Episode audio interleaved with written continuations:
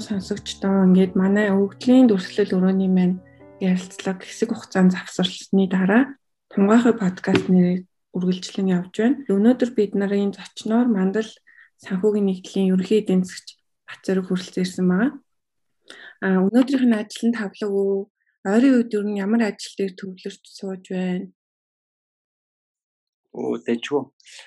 А яг ажил яг дуусаад тэгээд офс дээр байна.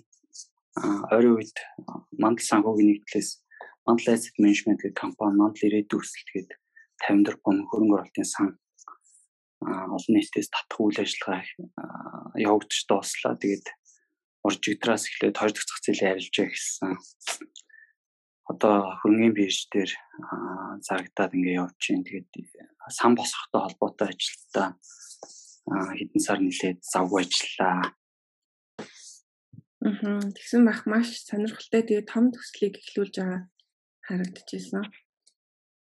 Харин Монголд одоо ер нь бол IPO-ийн зах зээл дээр яг инвестор орчны 20 тэрбум босгож ирсэн. За тэгээд тэндээс хойш 19.5 тэрбум хэрч тэндээс хойш 50 э, тэрбум бол эхлээд эхлэхэд бол нэлийн одоо салбарынх нь хүртэл одоо яг чадвуу гэдэг амар эргэлзээний донд бол хэлсэн л дээ. Тэгээд юу ч гэсэн одоо удирдлагын багийн удирдах байгаа хүнийх нь нэр хүнд за тэгээд зах зээлд бий болгосон тэр хүмүүс итгэж байгаа ихтгэл байна. За тэгээд ковидын нөхцөл байдал гээд маш олон хүчин зүйл нөлөөлөд а 50 тэрбумын сан одоо босгоод нөлөөллөө гэж харж байна. Аа. Ямар ч гэсэн том ажил эхлүүлээд тэгээд амжилттай бас гараа гараандаа явж байгаад баяр хүргэе. За баярлалаа. За өнөөдрийн бид хоёрын ярилцах сэдв болохоор ерөнхийдөө макро эдийн засгийн өвдлийн талаар ярихаар байгаа. Тэгээд тунгаахын подкаст маань болохоор ер нь салбарын өгөгдөл, өвдлийн шинжилгээ, судалгаа, өвдлийн төрөлтэй холбоотой яриануудыг хийдэг байгаа. Тэгээд энэ удаад бид хоёр макро эдийн засгийн өвдлийг сонгож ярилцж байна. Аа ерөнхийдөө ингээл бидний нөгөө нэг өдөр тутмын амьдралд ингээл нөгөө сонин сэтгүүл хэвлэл дээрээс бид нар байнга макро засгийн холбоотой мэдээллүүдийг авч идэг. Гэхдээ нөгөө яг цаанаа юу гэж хэлээд байгаа юм бол би тэр үглийг яг өөртөө юм уу өөрийнхөө өдөр тутмын амьдралд эсвэл ажилдаа яаж ашиглах юм бэ гэдгийг мэддэггүй. Тэгэхээр тэр талаар бид хоёр маш энгийнээр ойлгомжтойгоор ярихаар тохиролцсон байгаа. Тэгээд юуны өмнө Бацургмын сонсогчдоо өөрийнхөө талаар арай жоохон дэлгэрэнгүй танилцуулж өгвөл боломжтой юу? Аа за. Би э, Мойси эдийн засгийн гэр нь бол төгсөөд Мойси эдийн засгийн онлайн ангийг төгссөн. За тэгээд аа ер нь банкны чиглэлээр нэлээд банкны салбарт нэлээд одоо 6 7 жил ажилласан. Эхлээ хас банкнд ажиллаж агаад дараа нь голланд банкнд ажиллаж байсан. Тэгээд аа салбарын хувьд бол яг хуу дандаа эдийн засгийн чиглэлээр ажилласан. Тухайн банкнд бол эдийн засгийн эрсдэл за тэгээд яг зах зээлийн эрсдэл тал дээр нь хэлээтэй ажиллаж байсан. Тэгээд ер нь зүгээр энгийнээр тодорхойлох юм бол яг хуу тухайн байгууллагын цаг агаарыг нь хараад сууж идэг цаг агарын одоо тий зөвхөтлөгч юм уу хизээ бороо орох хизээ одоо нар гарах тий аль замаар явбал одоо шавартаа байна хурдан хасах нь хүү гэдэг хамгийн том тэр одоо одоо компаниг нь машин гэж бодох юм бол тэр шийдвэрийг нь гаргахад дэмжлэг үзүүлдэг тусалдаг гол одоо чиглүүлэгч гэдэг хүн бол эдийн засгч байгаа даа. Тэгээд тэр ажлуудыг энэ банкны салбарт бол нэлийн хийж илээ. Тэгээд одоогор бол яг он гараад бол мандал санхүүгийн нийтлэгээ компанид уугаан зэрэг захиралтай энэ бол одоо баг болоод ажиллаад явж байна. Тэгээд эхний том ажил нь бол сан босгох ажил байгаа. Тэгээд энэ сан босгох ажил дээр шатгаараа оролцоо дэмжлэг үзүүлээд өөрийнхөө юу ч гэсэн ажиллаад явжлаа. Тэгээд банкны салбарт ерөөхдөө нэлээд олон жил ажилласан. За хөрөнгөний зах зээл рүү нь бол одоо ингэж орж ирж байгаа. За Турк улсад ер нь магистр хамгаалсан бас экономитрик чиглэлээр. Тэгэхээр нэг талдаа тийм академик суурьтай а нөгөө талдаа бизнесийн байгууллагад ийм ажилтгал хүн байна да. Аа. Тэгэхээр ерөнхийдөө нөгөө байгууллагын цаг агаарыг буюу одоо тухайн байгууллагын үйл ажиллагаа явуулж байгаа орчин нь ямар хуу байна гэдэг талаас нь дүн шинжилгээ хийгээд шийдвэр гаргалтанд нь тусалдаг ийм мэрэгжил байх нь шүү дээ эдийн засагч гэхээр эдийн засгийн аха тий. Тэгвэл хоёлаа нөгөө нэг яриагаа аль болох энгийн байлгыг тохирсон болохоор макро эдийн засаг гэдгийг ер нь юу гэж ойлгол зүгээр юм бэ? Яг эдийн засаг дотроо макро эдийн засаг гэхээр яг юуг нь хэлээд байгаа юм бэ гэдэг талаар товчхон тайлбарлавал. Засаг гэдэг бол яг яг уу янз бүрийн загвар энэ төр гарч ирээд тэдгээр загвар нь одоо энэ маш одоо complicated гэж ярьдаг. Аа маш олон их одоо шийдэгдэхгүй асуудал өндөртэй дэлхийн одоо нөхцөл байдлыг нэг тайлбарлах гэж энгийн загваруудыг эдийн засгт бол ашигладаг тийм. Тэгэхээр эдийн засгийг зүгээр энгийнээр ойлгох юм бол макро эдийн засгийг бол хүний сэтгэл зүг ойлгох чадвараа болно дөө. Хүний сэтгэл зүй өнөөдөр би ажил дээрээ сууж хагаад машин авдаг чинь билүүгээ бодож илээ гэж бодоход нэг компани захирал одоо жишээ нь одоо ирээдүйд одоо ханш яах гэдэг гэдгээс хамаарат өнөөдөр хурал дээр шийдвэр гаргаж ийн гэдэг энэ бүх процесс чинь эргээл нөгөө эдийн засгээр ямар нэгэн эдийн засгийн шийдвэр олоод хэрэгжиж явцдаг. А тэрний үр дүнд бол энэ макро эдийн засаг гэдэг үзүүлэлт өсөж унаад явж идэг. Тэгэхээр сэтгэл зүй гэдгийг нь болохоор бид нэр яг хов хүн дээр авч үзсэн. Гэхдээ эдийн засгт бол арай ялгаатай тодорхой хэмжээний одоо ашиг сонирхлын бүлэг бүх юм агентууд тувааж авч үздэг л дээ. Аа жишээлбэл одоо өрх гэр гэдэг нэг агент байна те. За өрх гэрийн гол зорилго нь юу вэ? гээл тэгэнгүүт эдийн засгт бол тэрийг одоо хамгийн энгийнээр бол мэдээж өрх гэр бол аз жаргалтай амьдрах хэвээр.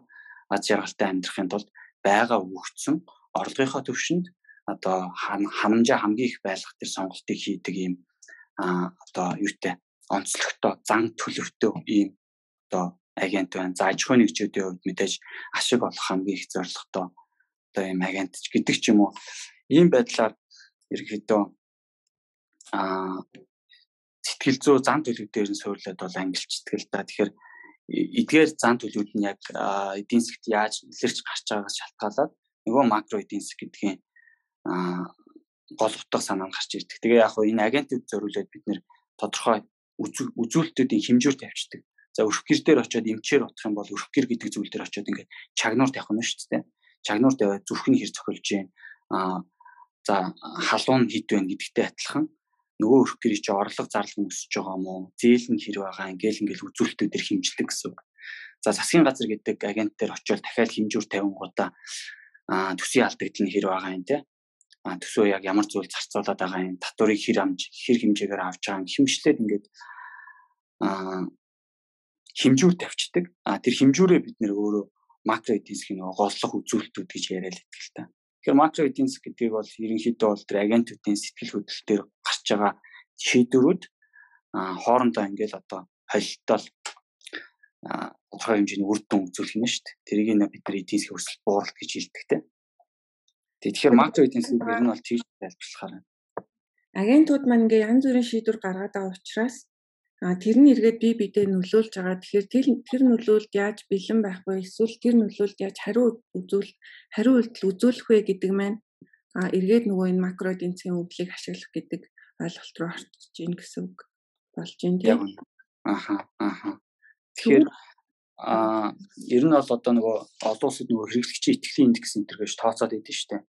Тэр чи яг хүлээлтийн индекс гэж тооцоод идэг. Тэр гол одоо тооцож байгаа шалтгаан нь юу байна гэхээр аа ер нь бол хүний тархинд бодож байгаа юмыг нь л зах зээл дээр шийдвэр болгож гарахаас өмнө мэдэж авах гэдэг гэсэн үг байхгүй. А тэгэхээр одоо жишээ нь хэрэглэгчийн итгэлийн индекс одоо Монгол тооцдог тийм Мойси эдийн засгийн сургууль дээр тооцдог. За тэгээд ингээд тооцоо үзэхээр итгэлийн индекс ирэх жилүүд ирэх 6 сард унах төлөвтэй байна гэж гарчлаа гэхэд энэ юу гэсэн үг гэхээр компаниуд борлуулалтаа өөдрөгөөр төсөлж болохгүй нэ гэдэг ийм үр дүн жишээ нь авч болж байна тийм. Хэмжлээд яг ингээд бодоо үзэхээр хүний тархинд байгаа бодож байгаа тэр зүйлүүд тодорхой хугацааны дараа шийдвэр болох гарах процесс л байгаа байхгүй. Тэгэхээр бид нар бол тэр онл монл гэдэг одоо мэдээж ялцчих юм эдийн засгийн бас салшгүй нэг хэсэг. Гэтэ энгийнээр ойлгох гэвэл хүний сэтгэл зүгэл ойлгох асуудал байна. Аа. Тэгэхээр бүр ингэ сонсохоор айгүй бүр амьдрал айгүй ойр сонсогдоод ирж ийн л та. Аа тэгвэл яг хувь хүний хувьд Хойлоо ерөнхийдөө хувь хүн тэгээ бизнесийн байгууллага гэдэг нэг хоёр хуваагаад ирчихье гэж бодож байна. Тэгээд хувь хүний хувьд жишээ нь макро эдийн засаг яг ямар байдлаар надад нөлөөлж байгаа гэдэг талаас нэг жоохон тайлбарлаж өгвөл дэлгэрүүлээд.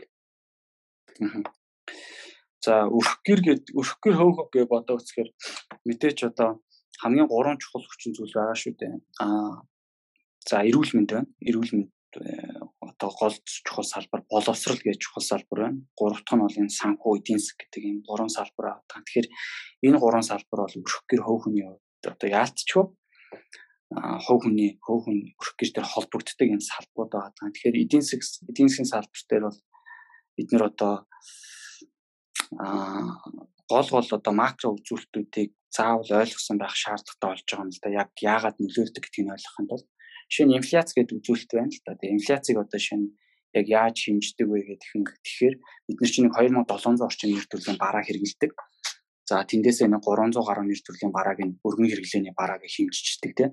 За 300 гаруй нэр төрлийн бараагаа болохоор дотор нь одоо маш олон төрлийн ундаа байгаа учраас ундаагийн дундчлалыг үнээр гаргаад сүүгийн дундчлалыг үнээр гаргаад ингээд бүр дундчийн дундаж үн болно гэж жишээ нь инфляц дээр гаргаж авдаг тийм.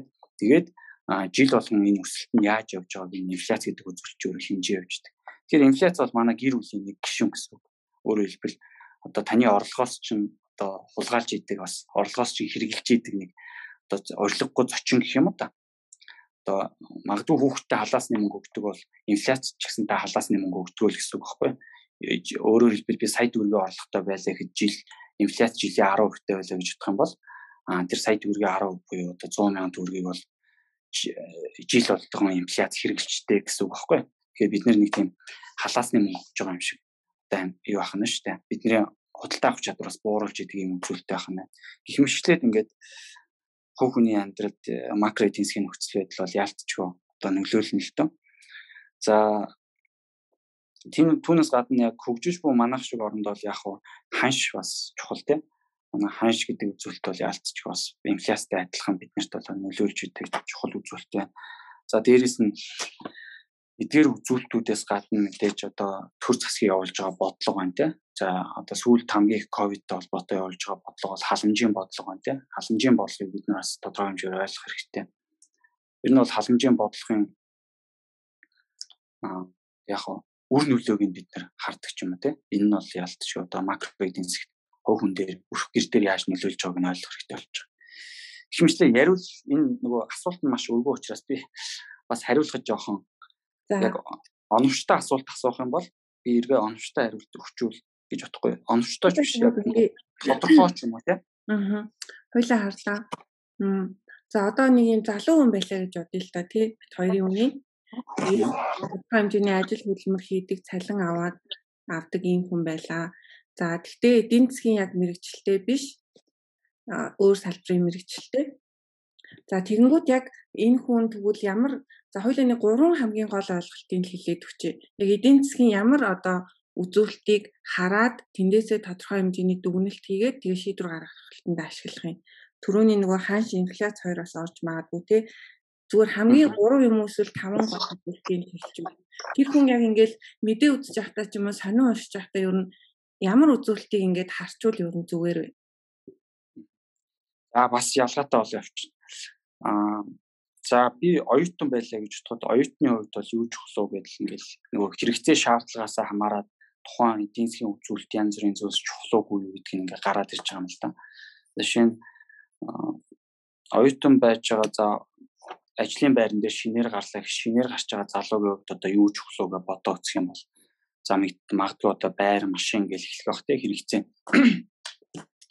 Тэгэхээр одоо байрны үн одоо хизээ хөдөлж авахгүй гэдгийг жишээ нэг чухал болчихж шүү дээ. Тэгэхээр одоо яг өнөөгийн байдлаар одоо жишээ нь байр хөдөлж авах зүг үгүй л тэгэхээр бас буруу байна те. Яг тэгэхээр байрны үн бол 20-30 өсчихсэн байна. За юунаас олж өсөв гэхээр одоо 6% хүүтэй зээл гарсантай холбоотой хэтэрхий одоо зах зээл дээр эрэлт үүслээ. Хадгаламжийн хөв буурсантай холбоотой хүмүүс найдвартай хөрөнгө оруулалт хийх гээд үйл хөдлөх рүү хөрөнгө оруулалт хийж чинь. За дээрэс нь бас энэ эдийн засгийн нөхцөлөд яаж ч магадгүй гэсэн тодорхой орчинд болохоор а найдвартай хөрөнгө хөдөлтөж явж ийн. Хэмжлээд ингээд за тэгэхээр э, нөгөө залуу маань одоо байр машина хөдөлтөд авчлаа тийм машина зээлээр авах уу хадгаламжаар авах уу гэж дахиад сонголтын асуудал болоод эхэлж байгаа. Тэгэхээр хадгаламжаар авлаа гэж бодоход одоо жишээ нь зээлээр авснасаа бас ялгаатай илүү ашигтай байгаад гэдэг бид нэр хөвчлэн зээлээр авчдаг. За тэгээд энийг бас тайлбарлавал бас жоохон деталь юм болчих гээд. За тэндээсээ өмнө нөгөө ажилтан маань залуу маань ажилд орохдоо алдагдсан боломжийг өртдөг буюу ажлаа зөв сонгох гэдэг асуудал маш чухал болчихж байгаа юм л да. Тэ. Тэгэхээр энэ дээр бас алдагдсан боломжийг өртдөг гэж ойлголт гарч ирж байна те. Тэгээ алдагдсан боломжийг өртгөх хамгийн бага байлгах одоо сонголтыг тийм ажлыг сонгох нь бас чухал болчиход байна те. Ихмжлээд ингээд яг аль насанд байгаад ямар нийгмийн ямар хэрэгцээ шаардлага үүсгэхээс хамаарат тэр болгонд одоо эдийн засгийн ойлголтууд нь ч гэсэн бас өөр болоод эхэлж байгаа юм л да. Тэгээ юу чухал вэ? За магадгүй 30 гараад ирэх юм бол илүүтэй одоо гэр бүлийн нөхцөл байдал санхүү хөрөнгө нь одоо харьцангуй тогтворцсон үед бол хөрөнгө оруулалт хаашаа хийх үгээ хөрөнгө оруулалт чухал болоод эхэлж байна. Тэндээс өмнө бол одоо арай өөр зүйлүүд чухал болж байна те. Гэх мэтлээд ингээд нас болгоноос хамаарат бас ялгаатай байна л да. Тэгэхээр би энийг яг товчлоо юу гэж хэлэх гээд байна гэхээр яг цаг агаартай адил те. Бороотой үед та борооны цуваа мартва, шүхрээ мартва, нартай үед та нарны шилээ мартва, цастай үед та одоо тий цастай үед одоо цасны гуталтаа ч юм уу одоо тэгээд ингээд цасанд орохгүй зүйлтэй хүмүүс гэсэн. Тэгэхээр бид нөгөө яг макро эдийн засгийн цаг агаар яг ямар вэ? Өнөөдөр гадаа бол жишээ нь нэлээд одоо үүлтэй бороотой өдрөө ш. Тэгэхээр нэмгээ уцсан бол даарах юм байна те. Яг үнтэй адилхан макро эдийн засгийн одоо яг иймэрхүү нөхцөл байдалтай агаартай үед та дулаан уцсан бол одоо даарахгүй нэ буюу тухайн нөхцөл байдалтай одоо тааруулаад шийдвэр гаргах нь маш чухал болчиход байгаа юм л да. Тэгэхээр энэ үзүүлэлт нь чухал, тэр үзүүлэлт нь чухал гэж хэлэхэд бас тодорхой хэмжээр хэцүү байгаа даа. Тийм байна тий. Тий. Тухайн бид нэр ерөнхийдөө амьдралдаа ямар нэг эдийн засгтай холбоотой шийдвэр гаргалаа гэж бодоход тэрнтэйгээ холбоотой үзүүлэлтийг эсвэл мэрэгжлийн хүмүүсийн дүгнэлт шинжилгээ судалгааг ер нь харчвал их зүгээр болж ирж штэ тийм ээ. Хүмүүс ер нь бол яг хуу өөртөө мэдхгүйгээр тийм rational буюу тэр тодорхой хэмжээр одоо шийдвэрийг гаргадаг л да. Би MSG-ийн судалгаа байсан хүмүүс сүүлд одоо судалгаа юм хөдөлтөж явахдаа юуг анхаардаг болсон бэ гэдгсэн чинь Facebook-ийн комент их уншдаг болсон юм л да. Аа. Тэгээ тухайн бүтээгдэхүүнтэй холбоотой комментууд маш ихээр уншдаг. Тэгээ комментнаас хамаарат а ямар зүйл давмгаалж байгаа дээр холбоотой шийдвэрээ гаргадаг ч юм уу. Тэгэхээр хүмүүс тодорхой орчинд ороод ирэхээр бас судалгаа бол яг хуу чадах хэмжээнд хийгээд тэгээд тэр шийдвэрээ гаргадаг болж байгаа. Тэгэхээр хүссэн хүсээгүй яг тэр онлын ойлголтыг мэдхгүй ч гэсэн хүн гэдэг одоо өөрийнхөө зөнгөөрөө бас тодорхой хэмжээгээр энэ алдагдсан боломжийг өртөг энэ инфляц энтрийг ойлгоо шийдвэрүүдээ гаргаад байгаа байхгүй. Одоо шинэ байр байр авч байгаа энэ шийдвэр бол яг эндээ тэр онл сурцсандаа бол биш байгаа байхгүй. Тухайн үед одоо нөхцөл байдлаа судалж байгаа л яг шийдвэр гаргаж байгаа. Тэр нь бол ингээд бас зах зээл дээр зөвлө байгаа байхгүй. Тэгэхээр энэ талаас харахаар бас бид нэр заримдаа заавал онлайн төр ойлголтыг үзгүйгээр хүн гэдэг тодорхой туршлагаасаа үндэслээд шийдвэр гаргадаг нь аа ялцчгүй эдийн засгт оролцоо явуулж байгааг бас харуулж байгаа. Аа. Гэхдээ ер нь тэдгээр шийдвэрүүд маань ч гэсэн тодорхой хэмжээний өвдөл дээр суурилж байгаа шүү дээ, тий. Аа Facebook-ийн коммент байна уу эсвэл найз нөхдийн одоо юу байна уу, зөвлөгөө байна уу гэх мэтчлэн. За тэгвэл штэ тий А яг бизнес эрхлэгч хүний хувьд ер нь бол эдийн засгийн өгөгдлүүд бизнесийн үйл ажиллагаанд бүр ихээр нөлөөлж байгаа шүү дээ. Тэгвэл бизнес эрхлэгч хүний хувьд ер нь ямар өгөгдлүүдийг байнга хараад ингээд цаг агаар харж байгаа юм шиг шанаж явах явах ёстой вэ? Аа бизнес эрхлэгчдэр бол харьцангуй тодорхой. Ер нь бол хит хит үзүүлэлт байгаа. Эхнийх нь бол инфляц байгаа. Инфляцтай оюулдаж одоо борлуулалтын орлого үн яаж тогтдох нь бол тодорхой болно тий. А хоёр дахь нь бол ханш байгаа. Манайх нэг идэвхтэй үйл ажиллагаа явуулдаг 80 мянган аж ахуйн нэгж а нийтдээ бүртгэлтэй бол нэг 90 мянган аж ахуйн нэгж 90 мянган 80 мянган жижиг дунд бизнес эрхлэгч нар. За тэндээс идэвхтэй үйл ажиллагаа явуулдаг 40 мянган аж ахуйн нэгж. Тэгэхээр энэ 40 мянган аж ахуйн нэгж бол дотоод гадаадын үйлдвэрлэгч гэж байгаа ч гэсэн бүгд одоо импортын орцтой. Ер нь бол бүтээгдэхүүний орцсон бүгд импортын хамааралтай байдаг. Ямар нэгэн байдлаар. А тийм учраас ханшийн нөлөө нэлээд өндөр байдаг. Тэгэхээр ханш яах нь гэдэг нь бас чухал байгаа даа. За мэдээж гурав дахь нь бол тэр санхүүжилт авж байгаа одоо байгууллагын цусны эргэлт болж байгаа бол одоо хөрөнгө оруулалт гэдэг үзүүлэлт нь байгаа. Хөрөнгө оруулалт нь бол үндсэн 3 сувгаар орж ирнэ. Гадаадаас хөрөнгө оруулалт татна. За гадаадаас хөвчлэн хөрөнгө оруулалт татхад бол хэцүү байдаг. А тийм учраас ихэнх хөрөнгө оруулалтууд бол уул уурхаар ордог те гадных. А төсвийн хөрөнгө оруулалт буюу нөгөө жижиг дунд бизнесийн зээл гэдэг байна те бидний одоо алдартай жидуу гэж нэрлсэн зээлүүд байна. Тэд нар бас зорилт бүлэгтээ хүрэхэд бас хэцүү байдаг те. Тэгэхээр яг тэр одоо цуснд одоо тусал гэдэг юм уу? Одоо бизнес тослуулдаг нэмэр болдог зүйлийг бол авахд хэцүү. Тэгэхээр ихэнх нь банкны зээлээр бол авдаг тийм. Банк үсгийн зээл, банкны зээл. Аа тийм учраас хүүн одоо буурах уугүй юу гэдг нь бол чухал гэдэг л та.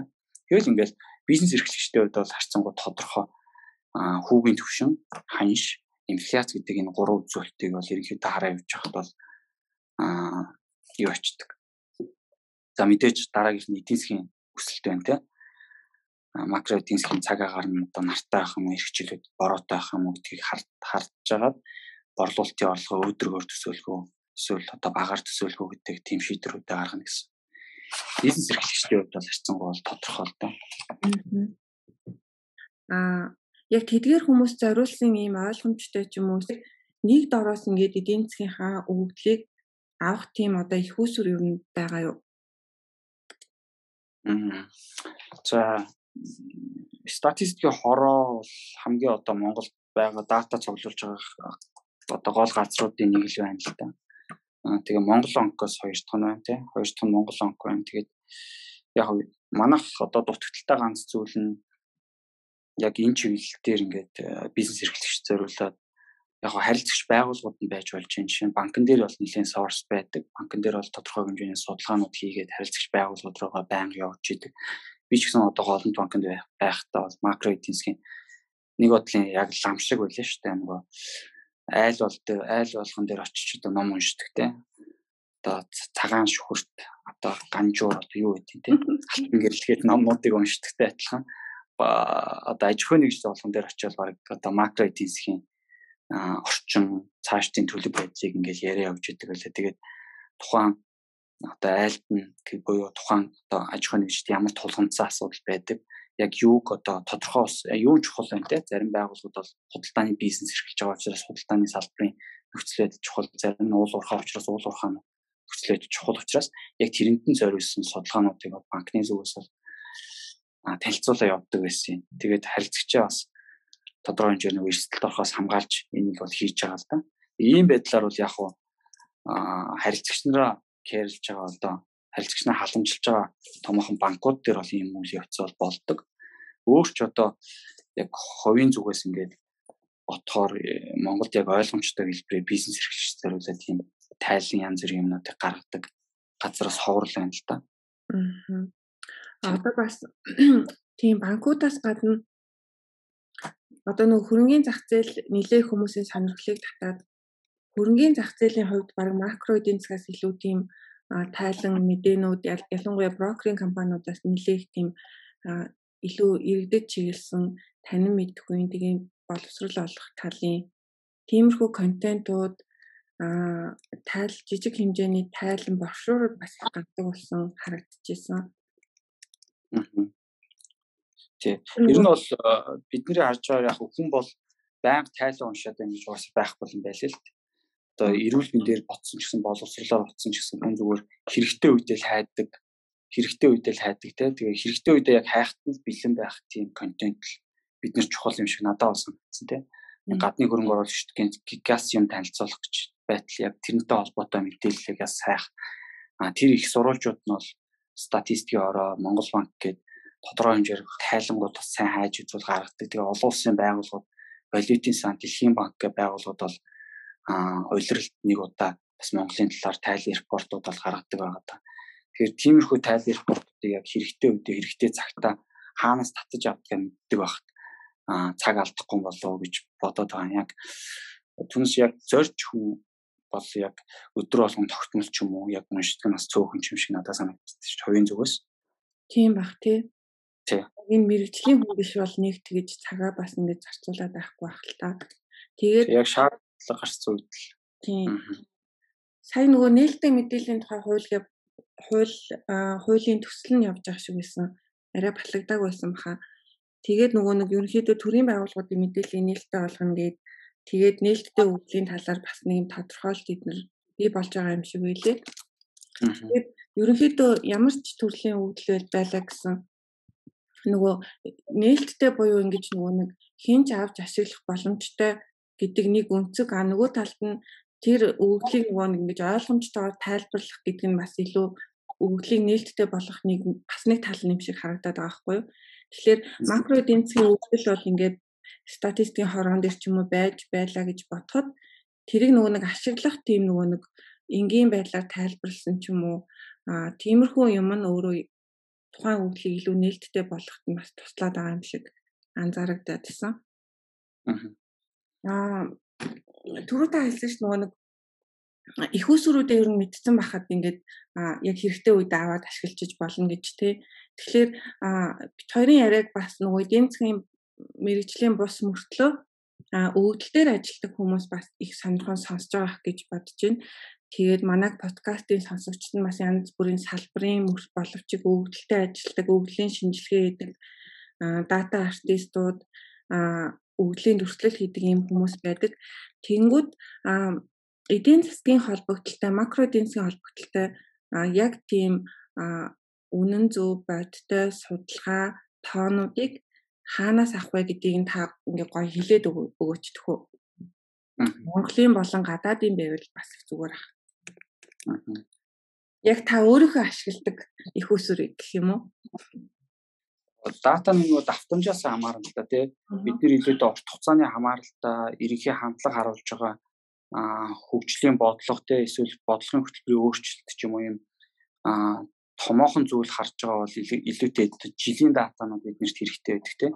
Тэгэхээр энийг бол жилийн датаг бид нэр Дэлхийн банк одоо олон улсын валютын сан ч юм уу эсвэл статистикийн ороо ч юм уу иймэрхүү газруудаас энэ жилийн датануудыг бол хангалттай татаад авчихна. Тэгээд яг Дэлхийн банкны дата банк нь бол нэлээд одоо гайгүй бас манайх датагаа өгөөд идэг юм шиг санагддаг. Тэгээд бусад одоо сайтууд байна. Тэгээд тэднэр нь бас тодорхой хэмжээр зөөрүүлээд юм бэл.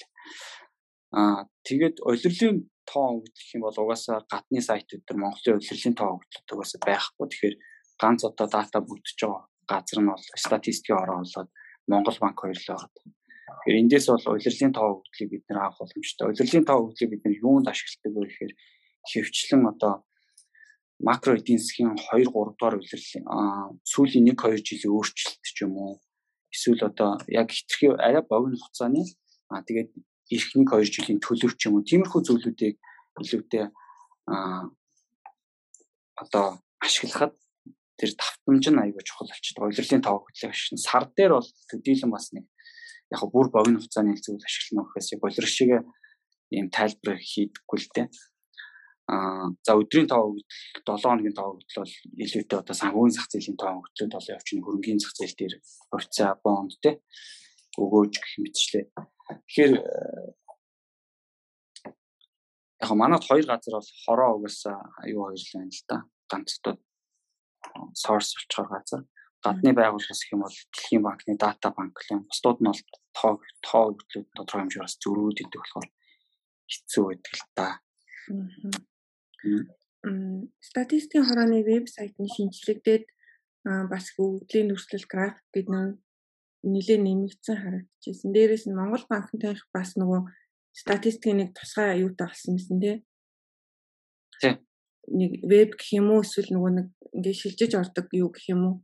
Тийм басан харагдчихсэн. Тэгээд илүү нөгөө нэг Excel-ээр ч юм уу ингээ задгаа датаг нь татаж авах боломжтой болж байгаа юм шиг байлээ. Тэгэнгүүт нөгөө илүү нээлттэй өгөл гэдэг тал руугаа бас шилжээд явж байгаа юм шиг санагдсан.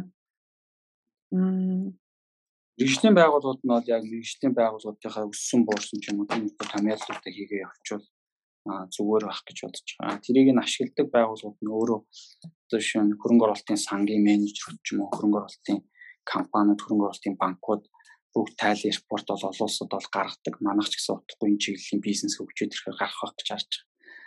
Аа тэр тэр үднээс яг тэр репорт нь бол яг тэр онлайн мэрэгжлийн ойлголтоос илүүтэй story буюу түүх байдаг. Ерөөс түүх бичсэн байдаг. Аа энгийн хүн ч ойлгохоор тийм хэмжээний түүх одоо сайн сэтгүүл ч юм уу одоо янз бүрийн журнал эсвэл одоо э, тайлын репорт дээр нь бол түүхэл дээ. Түүх. Тэгэхээр тэрийг яг яаж бичих үү гэдэг нь тэр мэрэгжлийг эзэмсэн хүнийх нь чадвараас шалтгаалах гэх юм уу.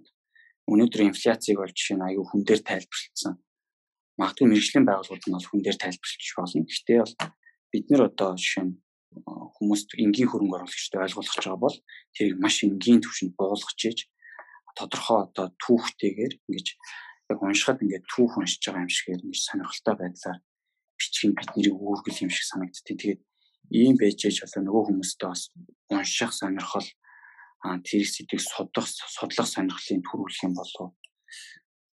Тийм тэгвэл одоо би бол жишээ нь одоо ингээл бөөрийн даралт маралт ч юм уу одоо жишээ нь ингээл зүрхний ховдол мовдол гээл ингээл тайлбарлаад тэр нь одоо дээшээгээ баруун тийм баруун одоо ховдол нь тийм зүүн ховдол нь тийм тэдэн сантиметр зайтай энэ төр гээл тэгэхээр чи надад ямар сонирхолгүй шүү дээ. Аа надад чи хүн болгон сонирхолгүй.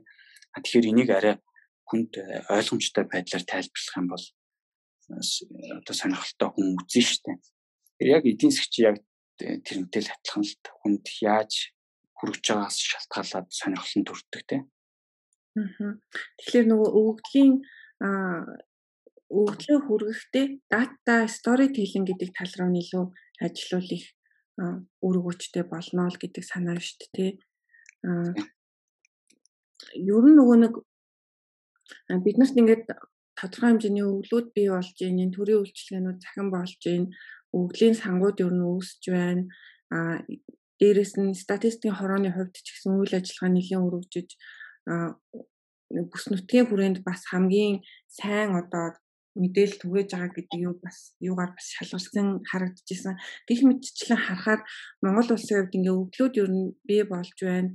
А гэхдээ нөгөө тэрийг яаж ашиглах вэ гэдэг тухайн тэр өвдлийн нөгөө өвдлийг илүү бүтээгдэхүүн болгон хуургах, үн цэнтэй болгох, ашиглах гэдэг тал руу харахаар жоохон дутагдaltaй юм шиг яг таны хэлж байгаагаар илүү юм storytelling ч юм уу эсвэл өвглийн дүрслэл ч юм уу иймэрхүү зүйлийг ашиглаад илүү нөгөө өвгдлөө нээлттэй өвгдлөө улам нээлттэй болгох юм шаардлага байгаа юм шиг ажиглагдаад идэг байхгүй юу?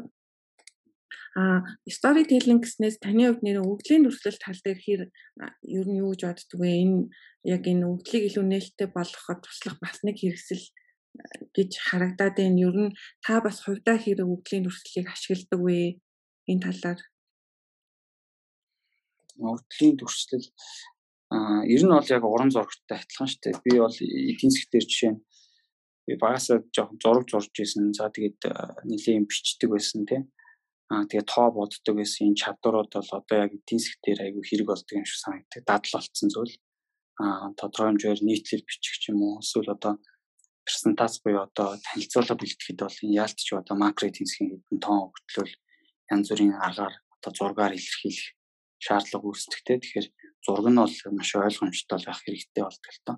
4 5 график зэрэгцүүлж хоёр талд нь одоо баахан тоо тавиад тэр нь бол хүн ойлгох ойлгомжтой энгийн төвшин дээр нь тэгээд тэхийн тулд бид нөгөө графикуудаа бас самт л одоо суухад зориулагдсан гэдэгтэй адилхан график одоо бас яахад зориулагдсан ямар графикийг ямар үед зурдаг вэ гэдгийг ойлгох хэрэгтэй гэдэг юм шиг.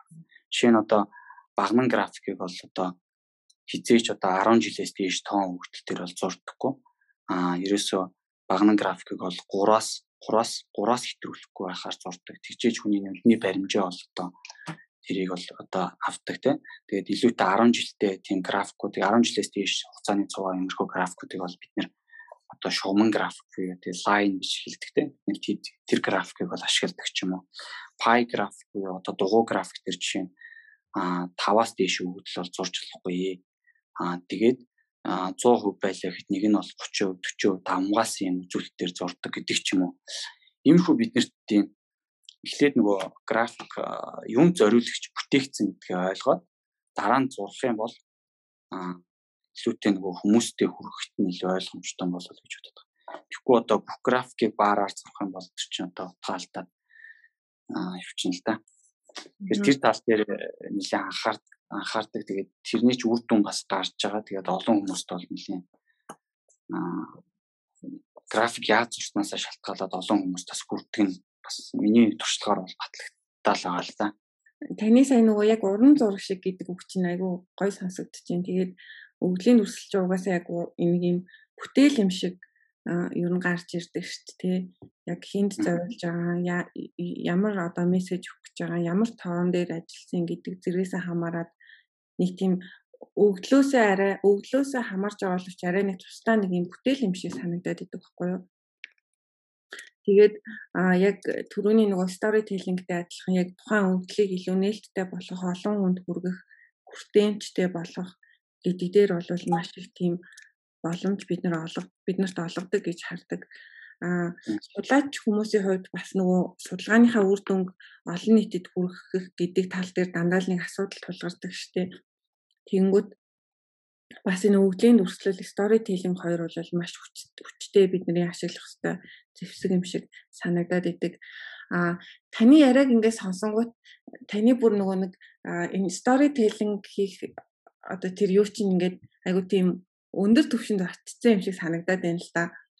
Яг би нөгөө нэг энгийн яриа хоёлоо энгийн яриа гэдгийгсэн тэнгүүд бас ингэж ярьж байгаа бах. Гэхдээ ер нь ингээд эдийн засгийн хөгжил хоёлоо ярьж байгаа ч гэсэн нэг тийм илүү амьдралд ойрхон тэнгүүтээ ингэж зөөрлүүлсэн айгу амьдралд энгийн ийм зүйлүүдтэй ингээд зөөрлүүлж хослуулж ярьж байгаа чинь яг нөгөө data storytelling-ийг нэлээд тодорхой хэмжээнд ашиглаад нэм туршлагатай болсон юм шиг тийм сэтгэл төрж байгаа байхгүй юу? Тэгэхээр нөгөө танд бас нөгөө юм бэрхшээлүүд гарч исэн баг л та. Нөгөө нэг яг эдийн засгийн өгдлийг нөгөө хүмүүст ярахаар ойлгодоггүй ч юм уу. Тэгээд тэр туршлага туршлага чи явсаар гай стори телинг рүү ороод тэгээд одоо ингээд ярахад тийм илүү энгийн хялбараар ярих тийм одоо илүү тийм чадвартай болсон юм шиг санагдаж байна. Таны нөгөө нэг айкон дээр бичдэг нийтлүүд байдаг шүү дээ. Аа. Тэрийг бас уншихаар тийм айгүй энгийн тэгээд яг нөгөө стори телинг маягаар бичсэн байдаг нь айгүй сонирхолтой санагддаг л да. Тэгэхээр яг энэ илүү ингэж стори телинг рүү орсон замаа нэг ингэж хэлж өгвөл танд ямар бэрхшээлүүд тулгарсан. Тэгээд яагаад ингэж бичих нөгөө санал сэтэл олоод тэнгуүтээ таны бас нөгөө хувийн нэг тийм юу бас байсан баг л та. Бичих ур чадвар гэх юм уу эсвэл юм зохиомжлох гэх юм уу энэ талаар жоохон яриул сонирхолтой юм уу? Тийм нийт э, одоо яг одоогийн яг н сошиал ертөнц аягүй хөгжсөн байгаа зах зээл төр бол яг судлаачдын хувьд хамгийн их тотгож байгаа зүйл нь контент бэлтгэлээсээ гадна контент бичдэг чадвар нь чухал болчиход байна л да. Маш гоё контентууд маш их цаг гаргаад бичдэг. Тэр нь бол олон хүмүүст хүрч чаддгүй.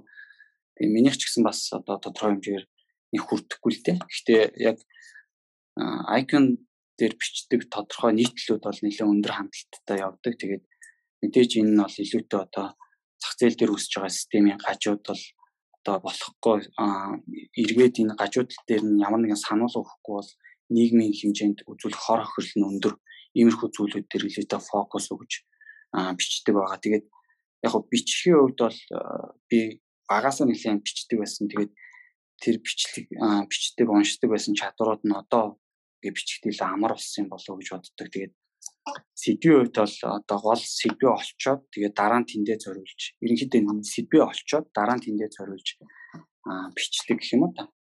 Тийм байдлаар л одоо яадаг. Тэгээд эдийн засгч мэрэгжлийн зүгээр яг онцлог нь бид нарт тийм системийг ойлгох боломжтой болгоод гэж байгаа юм л та. Би сүүлд одоо жишээ нь Монгол терм бидэн Монгол маягийн терм бидэн нийтлэл бичсэн. Тэгээд энэ дээр бол яг би Монгол хүн болж төрлөө гэдэг юмгууд одоо шинэ цэцэрлэгт би зүгээр явах нь л тэ. Тэгээд гайгүй цэцэрлэгт явъя гэвэл 3 жил явлаа гэж бодоход би 30 сая төгрөгийн аа өртөгтэйгөр одоо тэнд сурч जैन. За 12 жил буюу 12 жил дахиад төлбөртэй сургуульд явлаа 70 сая төгрөгөөр би сурч जैन.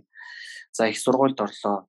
За дахиад төлбөр дундч төлбөртэй айлт их сургуульд орлоо 40 сая гээд ингээд миний хүүхдээс өсвөр нас хүртэлх төлбөр бол бараг 120 30 сая төгрөг болоо явчихж байгаа байхгүй. Тэгэхээр өнөөдөр Монгол улс одоо жишээ нь хүүхдэд одоо өсвөр наснд хүрэхийн тулд маш их одоо хэмжээний хөрөнгө оруулалтыг бол яалтчгүй нэлээд өртөг өндөртэйг бол хийхээс өөр аргагүй. Яг би энэ дэр улсын сургуулийг тооцохгүй, хувийн сургууль тооцоо яваадсан.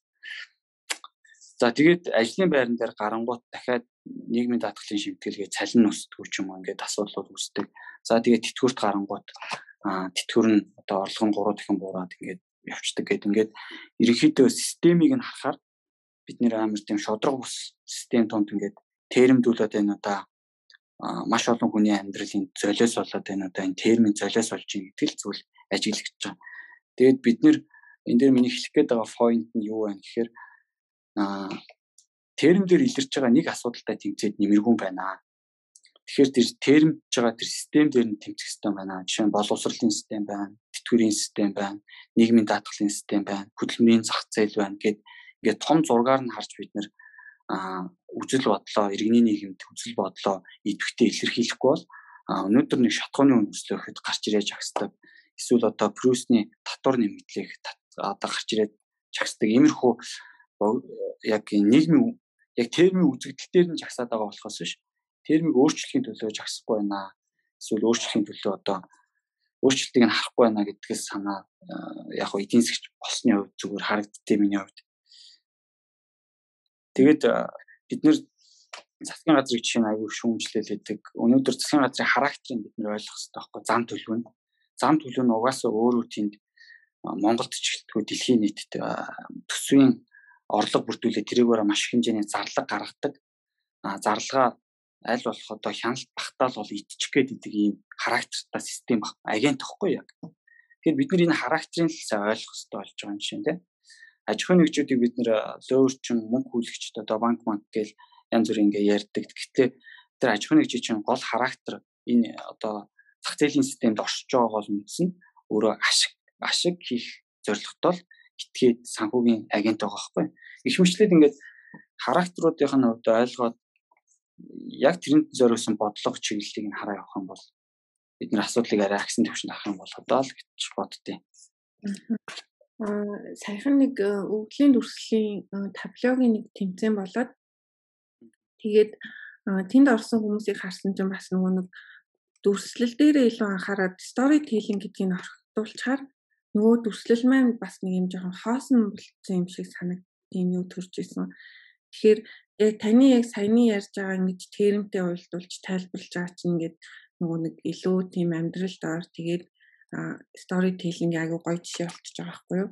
Тэгэхээр яг энэ ямар салбарын өгөгдлийг нээлттэй болгоно гэдгийн цаана зүгээр тавиад өгөх биш стори тейлинг ч юм уу өгөглийн дүрслэл ч юм уу энэ хэрэгслүүдийг ашиглаад нээлт илүү нээлттэй хүртээмжтэй болгох гэдэг асуудлыг бид нар бас анхаарах хэрэгтэй юм шиг надад санагдаж байна. Тэгээ график дээр бол бид нар гол гол зүйлүүдэд зурхаасаа илүүтэй эхлээд ер нь бол танилцуулга бэлтгэхдээ анхаарах хэрэгтэй зүйл нь юу шүү дээ. Гол нь эхлээд би юу хэлэх гэж байгаа бодно гэсэн үг тийм. Би яг юу хэлэх гээд байгаа бодно гэсэн үг. Тэгээд тэндээ зориулсан би графикуудыг сонгож, тэндээ зориулсан би хүснэгтийг сонгож, тэндээ зориулсан би текстийг сонгож а тэр слайд дээр өрхөл асуудал байгаа байхгүй. А түүнээс бэлтгэсэн бүх слайдуудаа тэн дээр өрнө гэсэн үг биш болчиход байгаа байхгүй. Тэгэхээр эхлээ гол нь поинтоо бодно. Поинтоо 2 3 задлаад тэрэндээ зориулсан слайдуудаа л өрөх асуудал. Тэгэх юм бол э, ямар ч танилцуулга бол нэлээд үр дүнтэй поинтоо олсон сайн болох болоо гэж боддог шүү дээ. Гэтэ зорилгоосоо хазаахгүйгээр а яг ингэ тохируулаад хийн гэсэн үг тий. Дээрэс нөгөө дизайны янз бүрийн зүйлүүдийг бас харах хэрэгтэй байх тий. Өнгө аа тэг ингэж байд юм уу фонт байд юм уу өөр юу ч байдгийн тий. Тий, ер нь бол хүн жишээ нь слайд дээр ч юм уу нэгээс хоёр мессежийг нь хэтрүүлээд хүлээж авдаг байхгүй. Тийм учраас зүгээр нэг слайд дээр зүгээр нэг л фокус, нэг л одоо өнөөдөр яагаад чи нөгөө ус төрийн сонгуулиор бол PR-ын ажил дээр бол одоо яагаад юм төмөр зам арталтанд тавьчаад нааталт нь 50 тэрбум ч илүү 500 тэрбум илүү улаанаар бичээ. Тэгээд нөгөө доош ихж байгаа хүнийхээ зургийг тавиад юм буруухан юм тавиад юм. Чи яг нөгөө хүмүүсийн кодлогдсон тархинд нь зориулаад эргээд тэрийг биднэрт харуулад байгаа байхгүй. А одоо жишээ нь тиймэрхүү байдлаар хүмүүс кодлогдсон болохоор тэр кодтой хүмүүсийн телевизээс харддаг мэддэг кодтой нь очиж тэр контентийг уяад нь штэ. А тэгэхээр бид нар ч гэсэн яг тийм одоо гол нь нэгээс хоёр поинттой тиймэрхүү контентээр л хүргэх нь зүг болчиход байгаа байхгүй Жишээ нь тиймэрхүү Facebook-оор ялангуяа тиймэрхүү постууд бол аюул өндөр хандлттай явдаг шүү дээ. Тэр чинь шалтгаан нэрээсээ нэгээс хоёрхан мессежтэй. Тэгээ гол нь өмнө хүмүүсийн мэддэг кодлогдсон зүйлтэй нь очиж холбоотой юм. Тэр миний бодлоор бас өгдлийн дүрслэлийг хийхдээ тэрийг хүнд хүртээмжтэй хийхдээ хүмүүс яг юунд кодлогдсон бэ? Аа хүмүүс яг юуг илүү өмнө энүүгээр энэ үзүүлэлтээр яг өмнө юуг төсөөлдөг вэ гэдгийг нь бодох хэрэгтэй юм шиг. Тэгчээ тэр боддог зүйлтэй нь очиж холбож Ер нь бол одоо Austrian PR дээр явж байгаа зүйлүүд нь бүгд л одоо тийм биш үү? Үүнтэй холбож өгдлөө зурвал илүүтэй хүмүүст хүрэх юм болов уу гэж бодоод байна л да. Аа. Энэ подкастын маань өмнөх нэг дугаар маань дизайнер хүн орж исэн баггүй юу? Тэгээ бас бид нөгөө нэг яаж өвглийн өрсөл дээр энэ дизайн элементүүдийг ашиглах вэ гэж ярьж байхад яг саяны хэлтгээр маш их судалгаа хэрэгтэй. Өвглийн дүрслэлхийг чи өөрөө бас нэг юм судалгааны ажил шиг ер нь явагддаг зорилгоо бодно, хинт хүрэхээ бодно. Саяны тэр поинто яг яаж хүрэх вэ? Хүмүүсийн тэр кодлогдсон сэтгхүйд нь яаж хүрэх вэ гэдэг юм уу маш их судалгаа явагддаг нэг ийм ажил гээд бид нэр ярьжсэн байхгүй юу? За а storytelling руу би дахиад нэг ормоор юм л да. Та ингэсэн шүү дээ. Эхлээд нэг юм санаа юм уу мессеж ингээд бодцоод Тэгээд тэрнийхээ хойноос нөгөө нэг датагаа цуглуулад ч юм уу бичдэг гэж ярьж ирсэн тий. Энэ талаар жоохон хөрвүүлвэл жишээ нь э, би зүгээр нийтлэл дээр ярьдаг жишээгээ ботхоор Монгол маягийн терм гэж зүгээр ингээд э, эхлээд бол сэдвийн санаа нь эхлээ ороод ирж байгаа байхгүй. Тэгээ энэ санаагаа би одоо шинэ нэг сарын хугацаанд ч юм уу 2 сарын хугацаанд ингээд дотроо бодоол чанаа явуулдаг байхгүй. Тэгэл ингээл яг э, чанаал яваад ин гэсэн. Тэгээ чан чанж жагаад нэг өдөр ингээл нэг 30 минут ч юм уу 20 минут ч юм уу суугаал яг э, үндсэн текстээ биччихдэг байхгүй. Тэгэхээр ер нь бол э, санаа гарцсан байхад тэрийг яаж илэрхийлэх вэ гэдгийг ингээл бодогдоод яваал байгаа юм л да. Процесс ингээл тодорхой хэмжээнд цаг хугацаа шаардж байгаа. Тэгэхээр судалж ийн л гэсэн үг юм байна л да. Тэгээд тэндээс тийм тэндээ зориулаад ямар ямар үзэгдэл ямар ямар үзүүлэлтүүд яаж яаж харуулах уу гэдгийг нь бол бидний өөрсдийнх нь одоо туршлагын дээрээс нь тэр тухайн зүйлээ одоо хүмүүст яаж хүргэх нь өөрийнх нь туршлага за мэдлэг за янз бүрийн зүйлтийн холбоотой асуудал болоо байгаа. Аа. санаа гаргах гэдэг нь бол та нэг ямар нэг нийгмийн асуудлыг олж хараад харж ийн гэсэн үг шүү дээ тийм үү? Аа. Тэгээд тэр нь бол өөр бодоод Тий. Тэр нь бол яалтчгүй одоо би нөгөө эдийн засгийн чиглэлээр өөрөө явцсан болохоор эдийн засгийн чиглэлийн асуудлуудыг өөрөө сайн бас одоо мэдэж ойлгож байх шаардлагатай болж байгаа юм л та. Тэгээ тэндээс л үүсэж гарч ирж байгаа. Тэгээ олон улсууд яг э, ямар системийн хямрал болж байна. За одоогийн эдийн засгийн онол янз бүрийн зөвлөгч амьдрал дээр хэр биелж чинь хэмжлээд ингээд олон улсуудын хөгжсөн туршлага за манай орны нөхцөл байдлыг хараа үзэхээр а ерөөдөө тэр юунууд нь яах ёстой? Тэгээ асуудлууд яагаад байна гэдэг нь. Эсвэл цаг үеэ дагж бас бичиж болно. Тухайн цаг үеийн нөхцөл байдлаа дагж эсвэл бүр цаг үеэс хамаарахгүй ерхий сэдвээр ингээд бичдэг ч юм уу. Янз бүр гарч ирдэг л дээ. Тий.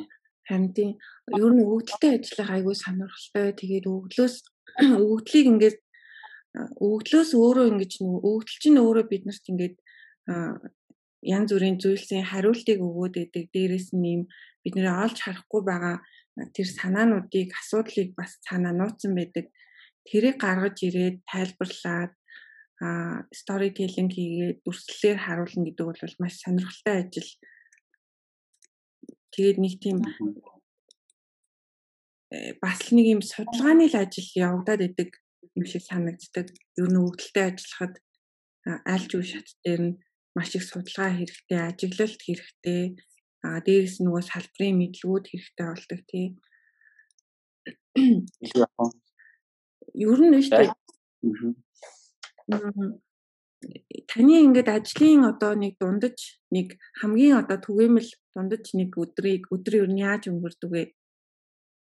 өдөр болохоор өөр болохоор миний сарын дунд гэвэл юм гарч ирэх юм шиг байна л та. Тэгээд яг уу өглөө орой гэрлүүгээ харж явахдаа замдаа эдийн засгийн мэдээ, гадаад эдийн засгийн үйл явцгаа тэгээд олон улсын банкуудын шинжээчдийн э, подкаст ч юм уу те янз бүрийн шинжилгээнүүд бүгдийн тэр замдаа сонсоо явчихдаг. Тэгээд ерөнхийдөө мэдээллүүдийн бол байнга яг тиймэрхүү гэр гэр ажил руугаа хоорондоо явж байгаа хоорондоо ерөнхийдөө мэдээллүүдээ бүгдийг авчдаг гэх юм уу. Тэгээ бүр дадал болцсон. За тэгээд ер нь бол сарын хугацаанд одоо хөрөнгө оруулалтын хороо ч юм уу? Одоо энэ дээр шин тодорхой хэмжээний сангуудын мөнгүүд бол одоо байна. Тийм учраас хөрөнгө оруулалтын шийдвэрүүд маш аа 7 хоног тутам баг хөрөнгө оруулалтын шийдвэрүүд гардаг.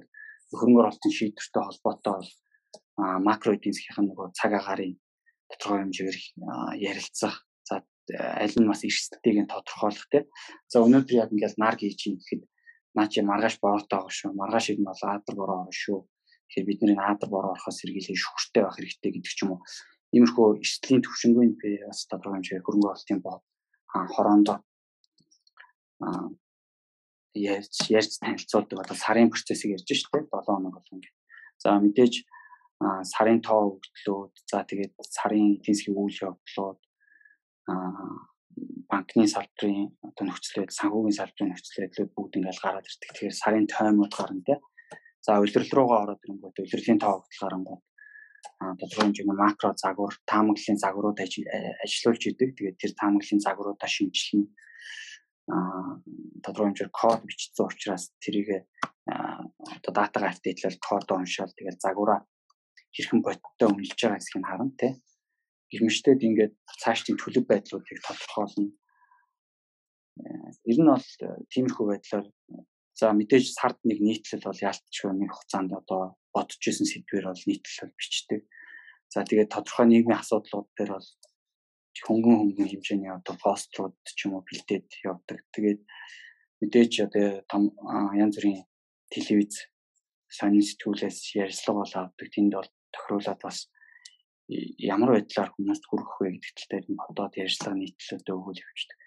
Иргэдөө миний нөгөө дуртай ажил болохоор тэгээд багтаа ч гэсэн би дадал болсон зүйлээ хийж ирсэн. Тэгээд тэр нь ахаад нам нам манай заавахгүйгээр хийгээд одоо гадал болцсон болохоор надад энэ ажил бол илүү аз жаргалтай байдаг. Тий, тэгэхээр миний ажлын өдөр бол өдөр болго янз бүр өнгөртөлтөө. Зарим үедээ бүр ингээ юм гарахгүй ч үе байна. Зарим үедээ маш өндөр бүтээмжтэй ч үе байна.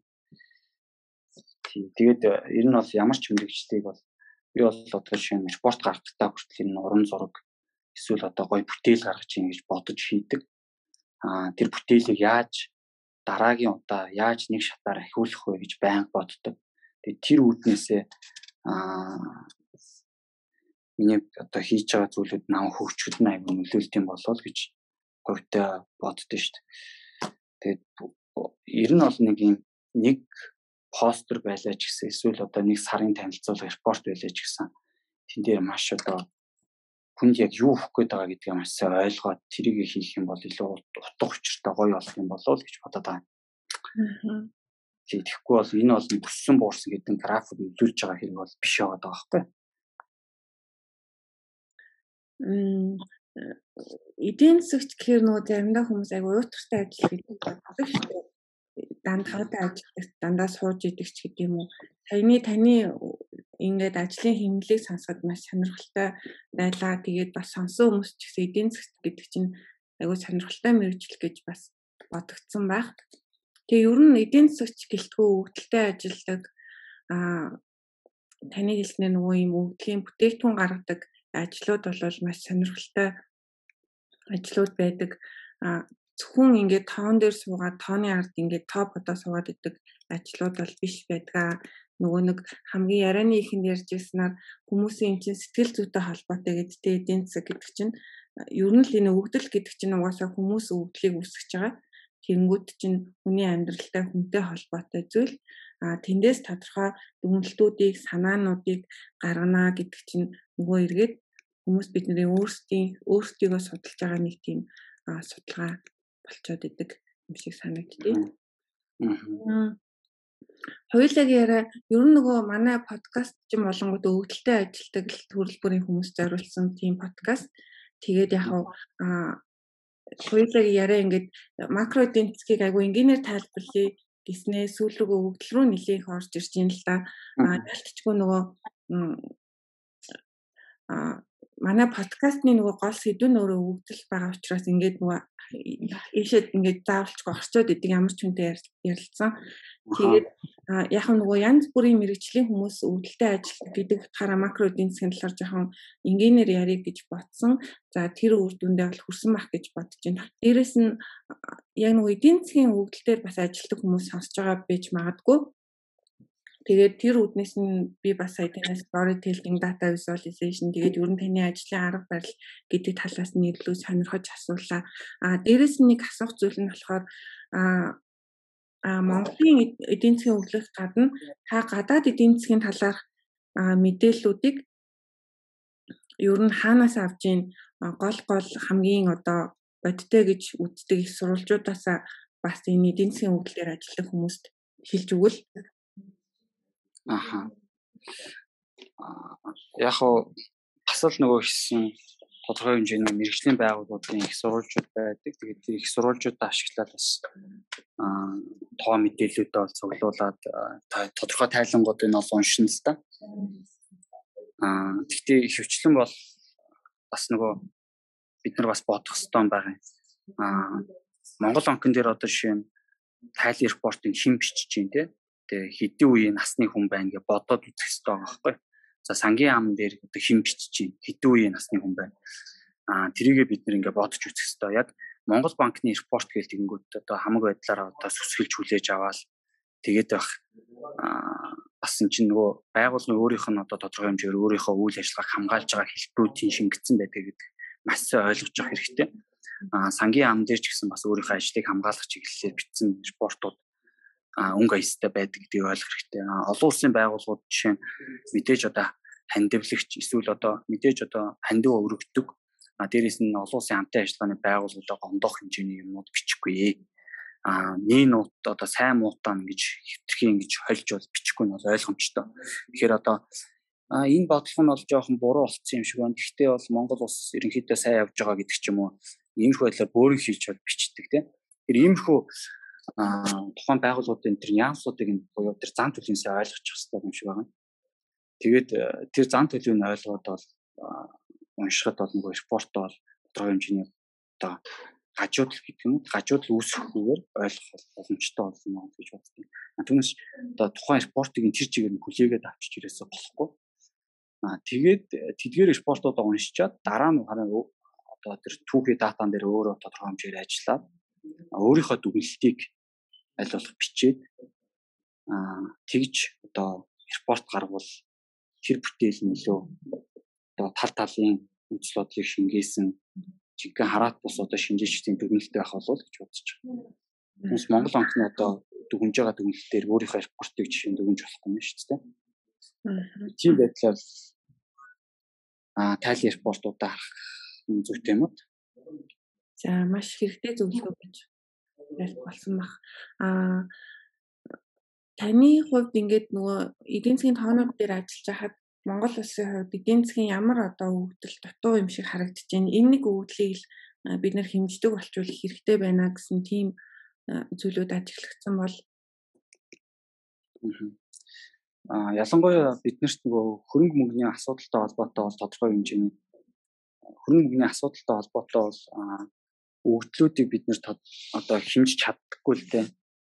Одоо жишээ нь инфляци бол Америкийн нэгдсэн улс бүх одоо хэрэгэлдэг бараа бүтээгдэхүүнүүдэд оруулаад хэмжиж яхад манайх бол тэгж чадахгүй байна те. Аа тэгээд өрхийн нийгэм эдийн засгийн судалгаагаа ихэнх хөрхүүдээс нь авч яхад манайх бол тодорхой хэмжээгээр төвөрлж авч чинь те. Ингээд аваад ингээд аваад үцхээр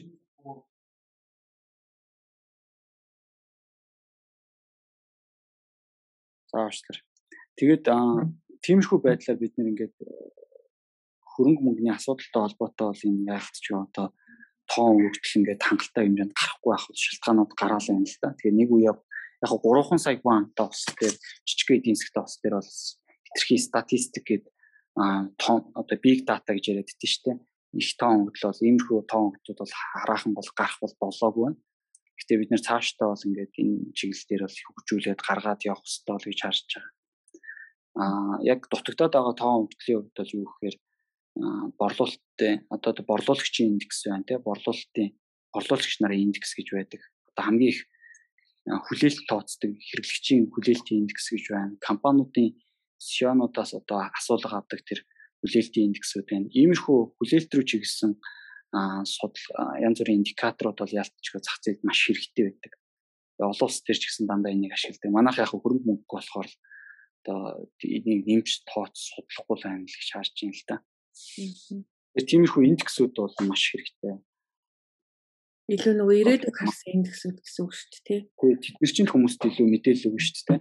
Яг хүмүүс одоо нөхцөлөдлийг одоо ийм байгаа юм байна харчиж болно. Гэхдээ цаашдаа яах вэ гэдгийг тийм хүлээлт итгэлийн индекс, төрүүлэгч индикатор гэдэг янз бүрийн үзүүлэлт байдаг. Гэхдээ эднэрээ бол хараа явдаг. Тэгэхээр нэрээр тэр харах боломжийг бид үүсгэх ёстой гэж харж байна. Харин тийм. За нэрээ хуулиа эдийн засаг ярьсных яг одоогийн одоогийн нөхцөлд эдийн засаг ямар хуу нөхцөл байдалтай байна? Цаашид юу нь яхаар байна гэдэг талаар товчхон тайлбарлаад өгч үү? Йоо яг гоо манай эдийн засаг бол одоо яг сэхэнд л байгаа юм л да. Тэгээд Монгол банкын жишнийг тусал хийгээл, засгийн газрын жишнийг тусал хийгээл тэгээд тусал хийхдээ арай одоо тэгээ энэ хүнийг одоо нэг 2 жилийн дараа ямар байх нь гэж 2 жилийн дараа бие нь яах нь жилийн дараа бие нь яах нь гэж харж тусал хийхээсээ илүүтэй богино хугацааг харж тусал хийснээсээ болоод маш хэмжээний одоо бодлогын алдаанууд гарч ийн л та. Жишээ нь бид нэр 5 удаагийн их хөлөө 20 тогтоолоо тэгээд бүх юм дуусчих юм шигээр бодоод тогтоосныхаа дараа бид нэр бизнесүүдэд маш хүнд байдалд оруулаад аж ахуйн нэгжүүдэд маш хүнд байдалд оруулчихлаа. Аа гэтэл яг үүндээ энэ хөлөөрөө тогтоосны үр дүнд одоо алга болдог асуудал биш гэдгийг тодорхойллоо шүү дээ.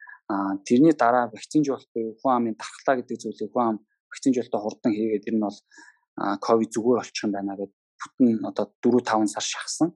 Эргээд одоо эн чинь бас л 4 5 сар одоо шахаад хийгдэх процесс биш үжээ. Тэг хүн амын 60% дархлаач үлдсэн ч гэсэн бид нэр эргээд одоо энэ ковидыг дийлж чадахгүй байна гэдэг иймэрхүү зүйлийг ажиглахаар зүгээр манах одоо бодлогоо арай нэг 2 3 жилээр харж хийсэн бол одоо одоо илүү үр дүнтэй байх гэсэн болов уу гэж харагдаад байна. Тэгэхээр одоо манай эдийн засаг бол сэхэнд байна ганц хөдөлж байгаа салбар нь бол одоо гар гар гар хэсэг нь л одоо ганц хөдөлж байгаа юм да. Тэсхийн хөвдөж байгаа хүний гар нь ингээ хөдөлж байгаа тий. Гараа өргөж чадчих байгаа. Тэр гар нь бол уул уурхаан салбар байна. Сая эдийн засаг өсгөд бол уул уурхаан салбар л ганцаараа одоо өсөлттэй гарлаа. Бусад салбарууд нь бол өсөлт орог байсангүй тий. Тэгээ өсөлт өсөлт гэдгийн цаана юу байна гэхээр компаниудын ашиг байна. Компаниудын ашиг дээрэс нь ажилчдын цалин байна. Тэгэхээр өсөлт гэдэг чинь юу гэсэн үг гэхээр ажилчдын цалин өсөхгүй байна компаниуд тодорхой хэмжээгээр ашгаа хангалттай авч чадахгүй байна л гэсэн үг. За тэгээ дотоодын нийт бүтээгдэхүүнийг бас ингээд э, яг манай эдийн засгийг бол хэмждэг үзүүлэлт юм уу гэхээр бас үгүй. Энд дээр чинь гадны одоо оюутлохоо за эрдэнэ дуу эрдэнэс тавталхоо гэдэг уулуурхан хэдэн томоохон компаниуд бол бас нөхцөлт ихэнх хувийг бүрдүүлчихэж байгаа. Тэгэхээр бид нар бол үндэсний нийт орлого ч юм уу дотоодын компаниудын баялаг бий болгодог тэр хэмждэг бол үндэсний нийт орлого гэдэг индикаторыг бол жишээ нь ашиглах хэрэгтэй л дээ. Жишээ нь одоо даралтын нэг аппаратаар үзээд гэсэн чинь 70-та хэвийн 70-аас эртээ хэвийн байна гэж заагаад дээ. Гэтэл яг үүндээ нөгөө өөр аппаратаар хэмжсэн чинь нөгөө даралт нь бүр амар хөдөлсөн байдаг ч юм уу. Нөгөө хэмжүүрээ бид нар өөрчлөх ёстой л гэж бас хэлэх гээд байна. Яг эдийн засгийн салбарт нөгөө нэг судалгааны ажлууд хэр хангалттай ер нь хийгдэж байгаа бол энэ судалгааны эрэлт хэрэгцээ хэр байд юм бол энэ талаар хуулиа ярилцвал Аа. За Монголын хувьд бол яг олон улс дээр ингээ аваа үзэхэд их сургуулиуд нь бизнесийн байгууллагатайгаа маш холбоотой. За тэгээд их сургуулиудынхаа янз бүрийн судалгаануудыг бизнесийн байгууллагууд нь ашиглаа явдаг юм хөдөр зурагтай байдаг. Тэгэхээр компаниуд ерөнхийдөө тэр тухайн судалгаануудыг дээр маш их санхүүжилт өгдөг. За дээрэс нь судалгаа хийж байгаа багш нар дээр бас усаас нь ингээд усаас нь ингээд тэтгэмж янз бүрийн ингээд бонусууд өгдөг те. Иймэрхүү дэмжлэгүүд бол манад бол байхгүй л байна л да. Тэгээ байх байгаа шалтгаан нь ойлгомжтой. Бид нар ч одоо 2005 он хүртэл хөдөө аж ахуй суурилсан эдийн засгийн орн байлаа. Бараг одоо судалгаа шинжилгээ бараг шаардлагагүй жижиг эдийн засаг байсан. 2005 оноос хойш зис Эрдэнэт энтергээд 2008 9 онд за оюутлохоо 5 толгоо гэж орж ирээд дөнгөж одоо эдийн нь ингэж арай нэг дахин дахин нугаш томроод за тэгээд тэр томоохон төслүүдээ дагаж одоо бизнесүүд нь арай гэж нэг ингээд хүнсний хэмжээний компаниуд бий болж байна. За бий болоод ирэнгүүтээ дөнгөж нэг судалгаад ярих тухай ярих хэмжээний мөнгөтэй болж эхэлж байна гэж харж. Цаашдаа бол яг их сургуулиудтай хамтраад бизнесийн байгууллагууд нь ингээд дэмжиж хөрөнгө оруулаад явах болов гэж бодож байна. Дээрээс нь бизнесийн байгууллагад ажилладаг энэ компаниудын CEO эдгээр удирдлагууд бол их сургуультай бас хичээл заадаг үе ирэх болов уу гэж бодож байна л да. Ийм байж ич бид нөгөө одоо гарц бий болгодог гол одоо бүтээгдэхүүнээ одоо гарцыг нэмэгдүүлдэг бол хөдөлмөр гэх гол зүйлээ одоо чанартай хөдөлмөрлөө шилжүүлэхэд бол аа зөвхөн их сургуулийн багшаас гадна энэ компани гэдэг гол одоо бүтээмжийн хөдөлгөөр бол биднэрт бол ялцч чухал болчиход байна л да. Тэгэхээр цаашдаа ийм үн ирэх байхаа л гэж харж байна.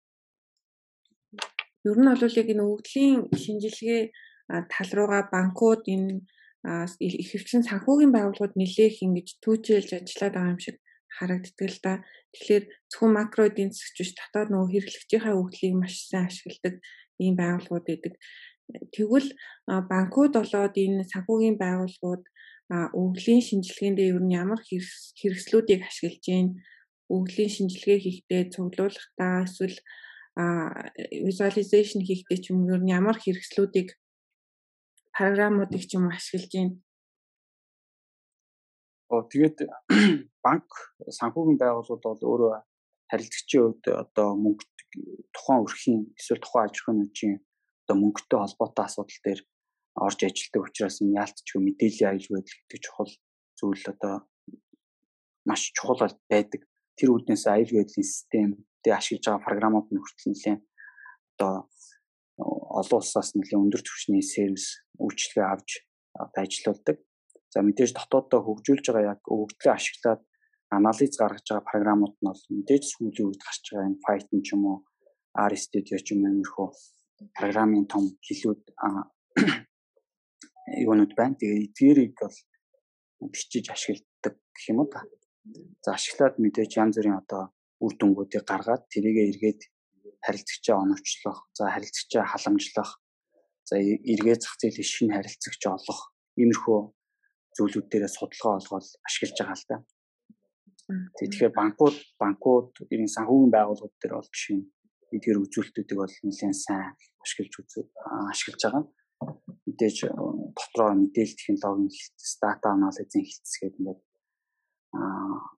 байгууллагуудад эхэлж байна. Тэгэхээр энэ хэмжээгээр бас өвдлийг ашиглах хүрээ нь бол нэмж байна удаа л гэж харагдаж байна. За ерөнхийдөө бид хоёрын яриа э, ярилцах цаг маань өндөрлөг тийш хандж байна. Тэгээ би ярианыхаа төгсгөлд болохоор мандал санхүүгийн нэгдлийн одоо энэ шинэ бүтээгдэхүүний талаар та э, бас ингээд энгийнээр манай сонсогчдод нэг тайлбарлаад өгөхгүй юу гэж хүсэх байна. За өнөөдөр манай макро эдийн засгийн цаг агаар гэдэг яг манай одоо хаврын тэнгэр шиг болчихжээ гэж хэлэх гээд байгаа. Хаврын тэнгэр шиг гэдэг нь өглөө нар гараад өдөр нь салхитай болоод оройн бороор дуусдаг тийм Тэгэхээр ийм орчинд хүмүүс маань яаж байгаа гэхээр одоо яалтчгүй л одоо хадгаламжаас өөр их усүрт хөрөнгө оруулалт хийхээ байчжээ.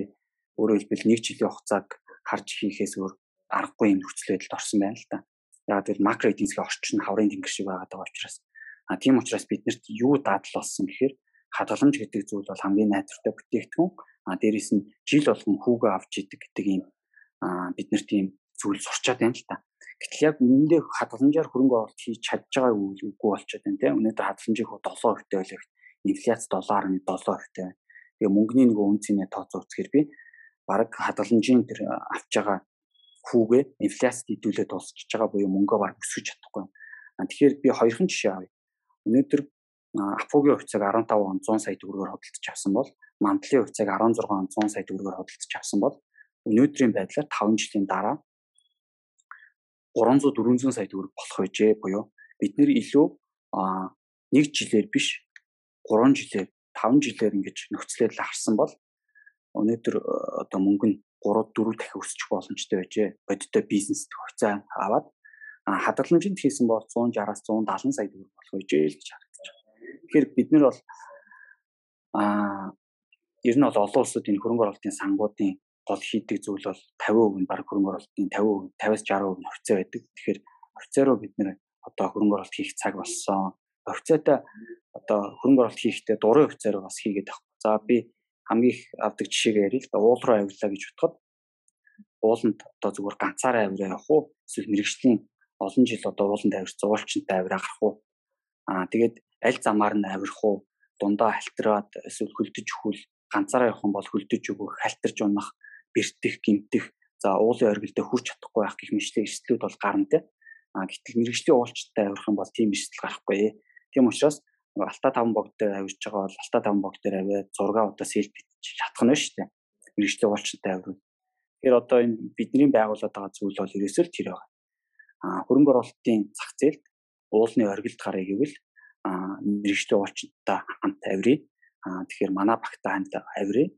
За манай багтаа хамт авирах юм бол тодорхой хэмжээгээр урт хугацаагаар харах нь 5 10 жилээр харах нь ингэжээж одоо хөрөнгө оруулалтын өгөөж хүртэж чадах нэ л гэж бид нар бол хэлэх гээд байгаа.